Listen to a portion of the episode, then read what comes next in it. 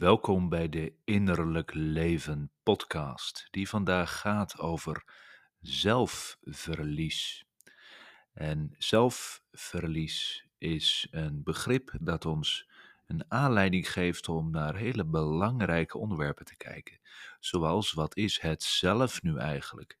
Is er zoiets als een hoger en een lager zelf? En wat betekenen die termen? Wat doet het met je wanneer je leven of je ontwikkeling niet meer stroomt en de geest is uit de fles. Wat betekent dat dan vervolgens voor wat je kunt bereiken en hoe je gezond kunt zijn, welzijn kunt ervaren?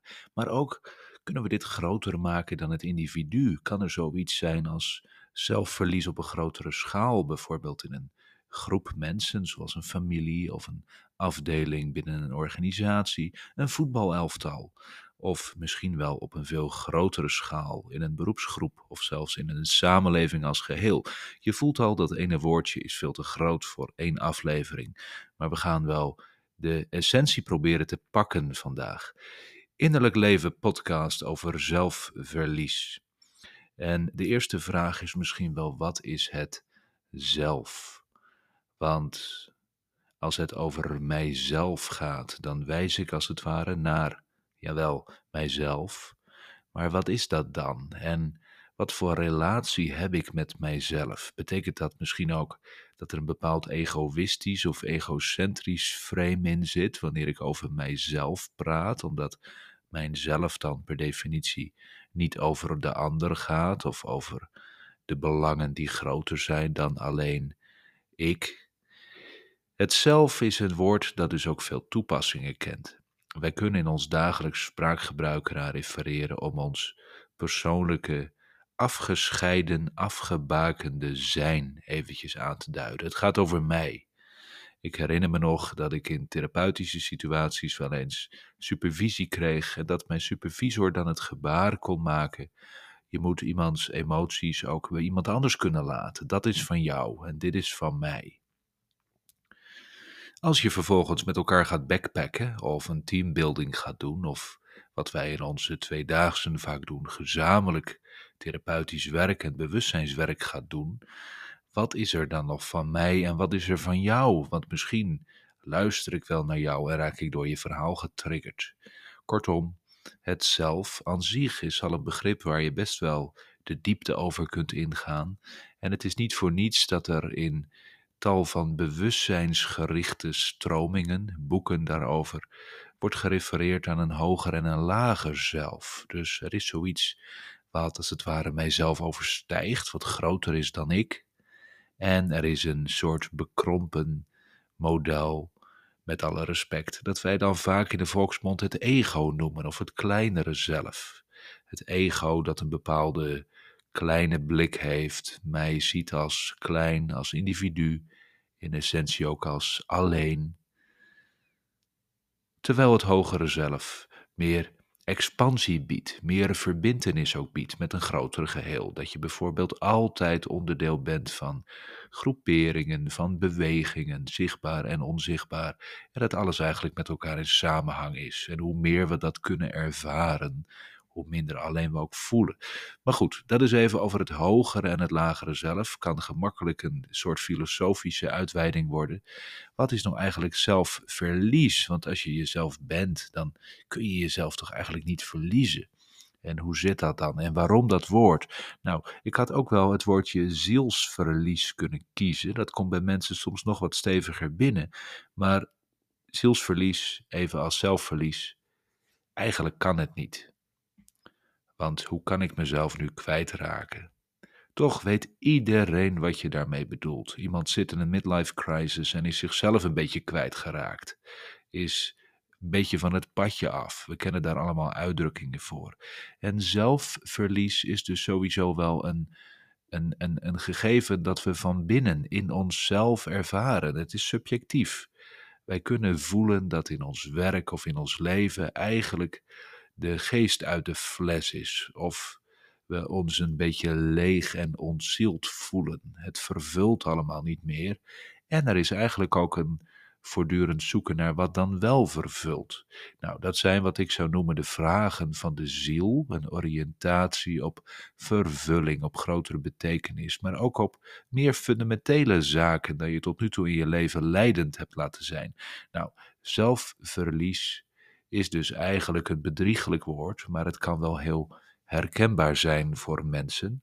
En zelfverlies heeft ook vaak te maken met hele dynamische processen. Wat misschien ben ik wel mijzelf op een andere manier aan het vinden, maar ervaar ik dat tijdelijk als zelfverlies. Nou, ik zal het wat concreter maken. Als het gaat over waar we een paar weken geleden in deze podcast over gesproken hebben, over stop ermee als je kind eruit is, wanneer het niet meer stroomt, wanneer je niet meer kunt spelen, wanneer eigenlijk je ziel niet meer lekker stroomt in het geheel. Dat is een heel belangrijk diagnosticum. Je kunt je ook altijd afvragen: kost iets energie? Beweeg ik ergens vandaan? Gaat als het ware mijn enthousiasme en mijn levenskracht ervan omlaag? Of neemt het toe? Gaat dat als het ware omhoog en voel ik dat dat energie geeft? Je kent dat allemaal wanneer je in een training zit. Je weet wanneer het tijd is om naar huis te gaan. En je weet ook wanneer er een fijne vibe is. Dat je merkt, mensen krijgen hier energie van. Nou, dat brengt ons eigenlijk ook bij hoe het zelf te maken heeft met wat ik wel eens noem de energie-economie. Want natuurlijk hebben wij een economie van geld en goederen, zal ik het maar noemen. Een vrij materiële, uiteindelijk ook uh, zichtbaar te maken economie. Maar er is ook zoiets als een onzichtbare economie die misschien wel heel erg belangrijk is. Daar bedoel ik mee dat er altijd energieuitwisselingen zijn. Van mij naar jou, van jou naar je omgeving. Dat het in teams, in organisaties, maar ook in families en in gezinnen een hele grote rol speelt. Hoe wisselen we met elkaar uit? En zoals we elkaar in geld betalen, betalen we elkaar eigenlijk ook in energie. Alleen die energie dat is een beetje onzichtbaar en dat is ook een valuta die niet door iedereen makkelijk wordt gezien. Toch wel ervaren, want je kunt het zien wanneer mensen gewoon niet graag met je praten omdat ze leeggezogen worden. Of je kunt het merken wanneer mensen met een boog om je heen lopen, omdat ze het eigenlijk allemaal een beetje ingewikkeld vinden waar je het over hebt en hoe je je leven inricht en hoe ze zich daar moeten, toe moeten verhouden. Je kunt eigenlijk op een onzichtbare manier wel zien hoe die economie in elkaar zit. En ook in deze economie geldt eigenlijk: je kunt winst maken of verlies draaien. En zelfverlies is wel op een wat kleinere schaal misschien, wanneer we alleen naar onszelf kijken, maar ook wanneer we in een groep of in een afdeling, in een organisatie of een bedrijf kijken. Zelfverlies is eigenlijk ook een economisch gegeven. Want stel je voor dat wij samenwerken en ik zit heel goed in mijn vel, omdat ik precies doe waar ik voor gemaakt ben, om het zo te zeggen. Dan zal dat jou ook enthousiasmeren. Niet omdat jij per se dezelfde missie, roeping, visie, weet ik veel wat moet hebben, maar wel omdat het aanstekelijk werkt om dicht bij jezelf te zijn, te voelen dat het lekker stroomt. En je kunt het ook ogenblikkelijk voelen wanneer het bij mensen niet stroomt. De ene is daar gevoeliger voor dan de ander, maar zeker wanneer je deze processen in je eigen leven, in je eigen ontwikkeling herkent, ga je het gemakkelijker oppikken bij andere mensen. En dan voel je, dit is het niet helemaal, of dit stroomt niet helemaal, of ik zie hem nog wel eens wat anders gaan doen, want hier is hij niet voor gemaakt. Nou, dat zijn eigenlijk allemaal suggesties of, of gewaarwordingen die we hebben, die toch al betrekking hebben op dat economische gegeven. Je voelt of de energie ergens van toeneemt of afneemt. En er zijn ook altijd dingen die lopen gewoon niet, of die lopen tijdelijk niet. En dat kan van alles te maken hebben met dat daar processen aan de gang zijn die ook wel met zelfverlies te maken hebben. Ik zal wat voorbeelden geven. Je kunt jezelf heel makkelijk op een onopvallende manier kwijtraken wanneer je leven niet meer over jou gaat. Is dat nou niet tegenstrijdig? Want het is toch juist heel goed om te leven ook voor andere mensen, om niet een bekrompen egocentrisch wereldbeeld te hebben, veel te geven aan anderen, te betekenen voor anderen, liefde te brengen, te dienen op een niveau dat het ook dienstbaar is voor iets groters dan alleen jij. Ja, natuurlijk. Maar daar zit, als je dat zo doet, wel een besef in dat jij hier een plaats in hebt. En dat daar ook een zekere verantwoordelijkheid bij komt kijken. Dat je daarin een, een, een rol en een functie hebt. En een eerste stukje zelfverlies kan optreden wanneer mensen eigenlijk een beetje gaan slapen en niet meer voelen dat hun eigen bewustzijn een factor van betekenis is. Wanneer mensen bijvoorbeeld ondergeschikt raken aan een groep of aan een groter geheel, de belangen van een bedrijf, van een organisatie, van een familie. Je kunt jezelf ook kwijtraken in een huwelijk, wanneer je partner belangrijker is aan het worden dan jijzelf. Er zijn eigenlijk heel veel manifestaties van energieverlies. En energieverlies, dat betekent dus dat er ergens geld wegstroomt in de energie-economie. En dat is eigenlijk nooit, voor, nooit goed voor wie dan ook. Je kunt ditzelfde stukje zelfverlies en dus energieverlies uh, ervaren ook in managementlagen, in verschillende verslavingen, in religies, in gebrek aan echt contact en echte verbinding en ook in wat ik zou willen noemen ontzield onderwijs en ontzielde therapie.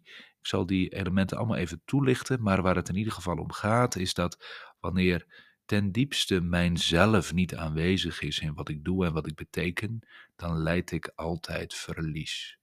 En wanneer ik probeer mezelf op te bouwen in dingen die niet wezenlijk over mijn diepste zelf gaan, dus dan zijn het een soort façades of tijdelijke constructen of maskers die ik ontwikkel.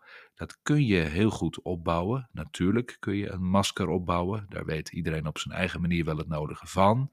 Maar uiteindelijk is het onwaarachtig naar jezelf en leidt je dus in energie, valuta altijd een bepaalde mate van verlies. Nou, wees hier scherp op. Niet alleen bij jezelf, maar ook bij andere mensen in je nabije omgeving die je goed kent. En de belangrijkste uitkomstmaat waar je dit aan kunt beoordelen is op het moment dat dingen gewoon niet werken of niet stromen. En dan gaan wij vaak in een wat oplossingsgerichte houding zitten. Dus er zijn wat management consultants die oplossingsgericht werken of probleemgericht werken. En dat heeft allemaal een plaats en het kan allemaal heel functioneel zijn. Dus dat wil ik maar gezegd hebben. Maar ten diepste denk ik dat je altijd moet kijken naar is ergens zelfverlies aan de gang of is daar zielsverlies. Dat als het ware, ik noem nu voor de derde keer die uitdrukking, de geest uit de fles is. Het drieluik van geest, ziel en lichaam, of het geestelijke, het bezielde, levenskrachtige en het wat meer stoffelijke of materiële aspect, moeten eigenlijk perfect met elkaar in balans zijn, wil iets gezond zijn wil iets lekker stromen. En je kunt gemakkelijk op een van deze gebieden of op meerdere gebieden tegelijk een kink in de kabel hebben. En dan stroomt ergens energie weg. En dat gaat altijd als het ware ziektesymptomen geven. En dat hoeft helemaal niet alleen in de gezondheidskundige context te zijn, dat je symptomen ontwikkelt qua, qua gezondheid persoonlijk, maar het kan dus ook in een relatie of in een bedrijf of in een team, dat er als het ware problemen ontstaan die je kunt herleiden naar een soort energielek dat energielek is niet alleen dat je geen leuke dingen doet of te weinig betaald krijgt of te weinig, nou noem het maar eventjes op, wat voor materiële argumenten er allemaal kunnen zijn. Vaak is daar zielsverlies of zelfverlies. En dat is niet makkelijk, want als dat eenmaal speelt, kan dat heel makkelijk aanstekelijk werken. Dus negatief aanstekelijk. Mensen raken dan een beetje ontheemd en gedesoriënteerd de echte drive, de echte bezieling, de warme tinteling die je kunt voelen wanneer mensen eigenlijk voelen het gaat hier ergens over en we zijn connected met elkaar. Het liefdesaspect dat je dan ook in een bedrijf bijvoorbeeld heel goed kunt voelen, het enthousiasme, de levenskracht stroomt geleidelijk weg en je krijgt een, een ziek bedrijf of natuurlijk ook een ziek leven als je naar jezelf persoonlijk kijkt. Hoe kan het nou zijn met zelfverlies? Nou, dat eigenlijk het bewustzijn van het zelf wegstroomt en het niet meer over mij gaat. In managementlagen bijvoorbeeld kan er heel veel energie worden afgeschreven, omdat er van het kastje naar de muurachtige mechanismen gaan spelen. Of niemand meer eigenaarschap toont, want het ligt altijd op iemand anders bureau. Of er zitten te veel schakels tussen om je nog persoonlijk betrokken te voelen. Dat heeft niet alleen met schaalvergroting te maken, want dat is vaak helemaal niet de factor. Dat heeft ook met zelfverlies te maken dat tussen de linies door, als het ware in managementlagen gebeurt. En dan is daar niemand meer die op een gegeven moment in zijn bovenarm knijpt en zegt: Wacht eens even, zit ik dit nu te doen? Gaat dit nu over mij? Ik denk dat we dit anders moeten organiseren. Nee, je kunt dan zien dat mensen collectief ook een stapje terug doen, minder betrokken raken, minder engagement ervaren, zeggen we dan zo mooi. Maar dat heeft dus wel met zelfverlies te maken. En dat geldt ook in een hele andere context voor verslavingen. Heel veel middelenverslavingen en gedragsverslavingen wortelen in een groot liefdestekort. We noemen dat als therapeuten wel emotionele verwaarlozing of emotionele leegte. Natuurlijk kan er ook een moeilijke relatie zijn met wat ik dan maar zou noemen de innerlijke kinderen. Maar daar zit eigenlijk ook zelfverlies. Daar is een aspect van mijzelf dat nooit gezien wordt. En alleen in die verslaving mag het even naar buiten. Mag het even gezien worden. En daarom kun je verslavingen ook vaak niet wegmaken of afleren. Want dan zijn we eigenlijk het zelfverlies op een hele kleine schaal weer aan het bekrachtigen en aan het cultiveren. Vaak is het daarom nodig om het grotere plaatje te zien en te zien waar is iemand zichzelf innerlijk kwijtgeraakt, waardoor deze context is ontstaan, heeft kunnen ontwikkelen zoals die is geworden. Religie is ook zo'n prachtig woord dat mensen kan triggeren. Je kunt denken aan verschillende religies natuurlijk. In Nederland het christendom, je kunt ook denken aan de islam als het gaat over de ingewikkeldheden in het Midden-Oosten. Maar er, is, er zijn zoveel religieuze stromingen te noemen die over het algemeen iets laten zien dat zij zich oriënteren op iets geweldig, groots, goddelijks, transcendents, maar er in de praktijk vaak heel weinig van terechtbrengen. En dat weten ze zelf ook wel en dat leidt tot identiteitsvragen, collectieve crisis ook. In wie zijn we nou? Wat betekenen we nu? Kerken in Nederland hebben bijvoorbeeld ieder decennium wel een nieuwe uitdaging gezien in de maatschappelijke ontwikkelingen. Hoe moeten we ons daartoe verhouden? Wat zegt dat ons over wie we zijn? En hoe gaan we de soms wat abstracte, richtinggevende elementen uit ons geloofsleven en uit ons innerlijke leven, hoe gaan we dat eigenlijk collectief vertalen? Hoe doen we dat? Nou, religie kan iets indirects hebben, zoals een managementlaag dat kan hebben, wanneer er een instituut of een regelgevend model of een bepaald verklarend mechanisme tussen jou en God of welk woord je dan ook wilt invullen. Want ik weet niet of je christen bent of ongelovig bent. Zelfs een atheïst kan een hele grote relatie met het universum ervaren en daar toch iets heel intiems in vinden. Dus ik bedoel maar te zeggen, religie kan maken dat er ook energieverlies optreedt. Omdat mensen eigenlijk worden afgeleid van hun persoonlijke relatie met, ik zal het maar algemeen noemen, het hogere. En er komt een systeem van regels of voorwaarden tussen te zitten. Die regels en voorwaarden hoeven in zichzelf niet slecht te zijn, kunnen zelfs wel heel opbouwend werken. Maar wanneer het levensaspect van de rechtstreekse relatie, de rechtstreekse beleving eruit gaat, dan voel je eigenlijk ook negatieve energie-economie, zelfverlies. Het stroomt eruit.